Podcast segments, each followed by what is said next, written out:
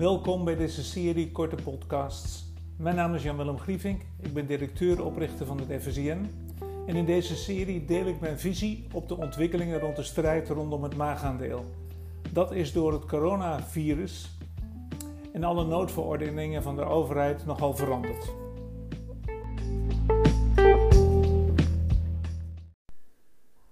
We zijn aan het einde van een hele mooie en lange zomer. Eind augustus. Ik wil even een, kort de, het net ophalen van wat is er nu allemaal aan de hand en hoe kijken we naar de rest van dit jaar voor wat betreft de foodsector. De economie lijkt iets minder somber dan we drie maanden geleden nog dachten.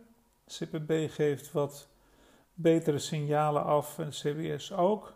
Maar zeggen ze er allemaal bij, de effecten moeten nog komen in dit najaar en ook het eerste kwartaal van 2021. Daar ben ik het helemaal mee eens, want dat zal ook echt gebeuren.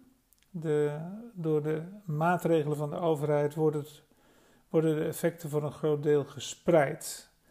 Maar met name de horeca zal het najaar en het eerste kwartaal van 2021 uh, eh, de echte klappen pas komen. Wat we ook zien dat, dat social distancing, dat, dat zijn effect begint te krijgen, ook in de manier waarop natuurlijk de horeca zijn formules inricht. Maar er komt ook steeds meer weerstand tegen. waar dat toe gaat leiden, dat weet ik nog niet. Maar dat het niet iets is wat mensen heel lang kunnen volhouden, dat is denk ik ook wel duidelijk. Wat we ook zien is dat de opkomst van de technologie toch eigenlijk wel razendsnel gaat. Ik heb de afgelopen maanden al heel wat horecabedrijven gezien die een QR-code systeem in het leven hebben geroepen, waarmee je dus niet alleen kunt bestellen, maar waar je ook via de algoritmes allerlei pop-up-achtige extra's als suggestie erbij krijgt. En mensen beginnen dat uh, toch redelijk massaal te doen. Ik ook.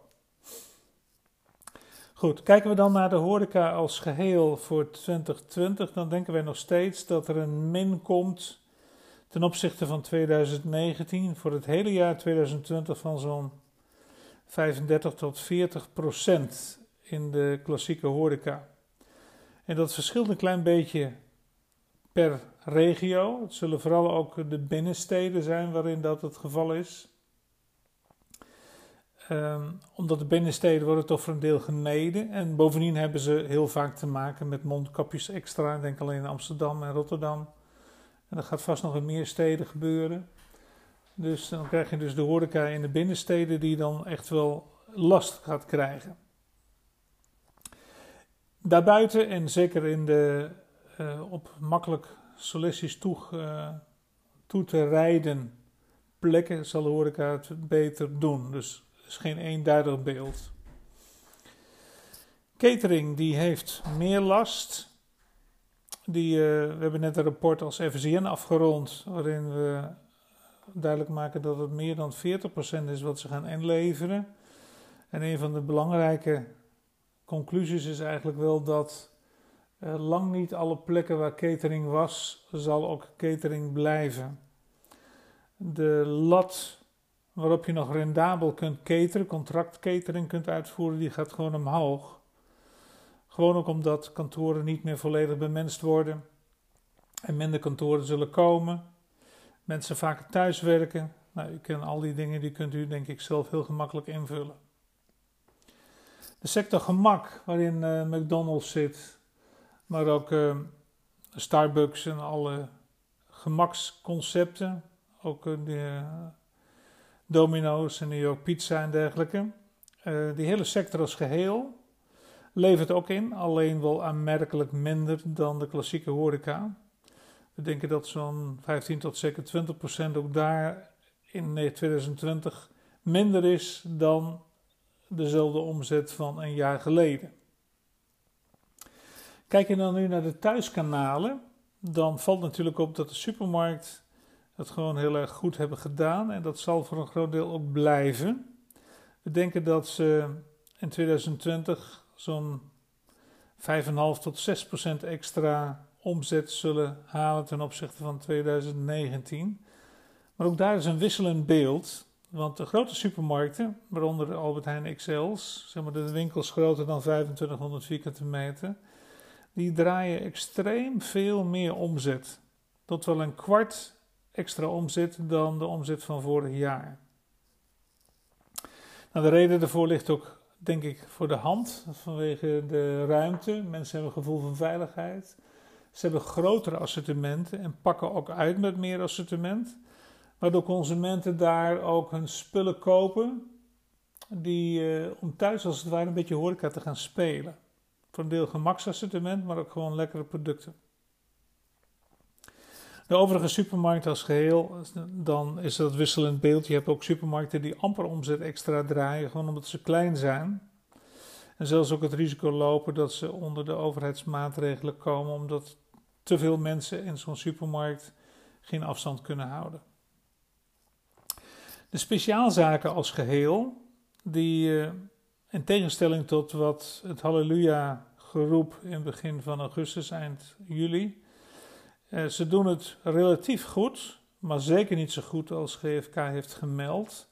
Het is een wisselend beeld. Hè? Slagers doen het iets beter en bakkers uh, iets minder. En dat komt ook omdat de horeca-omzet van bakkers, dus de omzet aan de horeca, ze levert heel veel gebak en brood ook aan horeca, die is weggevallen of aanmerkelijk minder geworden. Dus bakkers doen het wat veel minder goed. de speciaalzakkersgeheel is eigenlijk een beetje stabiel.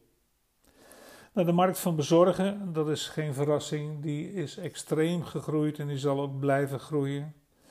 Dat was al geval in 2019 en dat gaat versneld door in 2020.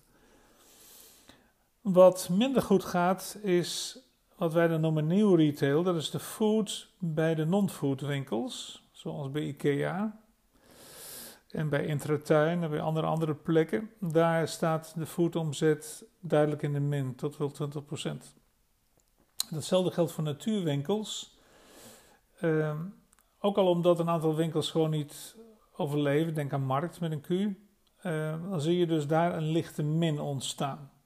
Het geheel betekent dat we uh, als totaal, als consument, minder aan eten en drinken uitgeven. We eten niet minder kilocalorieën, maar we eten goedkopere. En die halen we vooral dan in de supermarkten en soms ook in goedkopere en grotere supermarkten.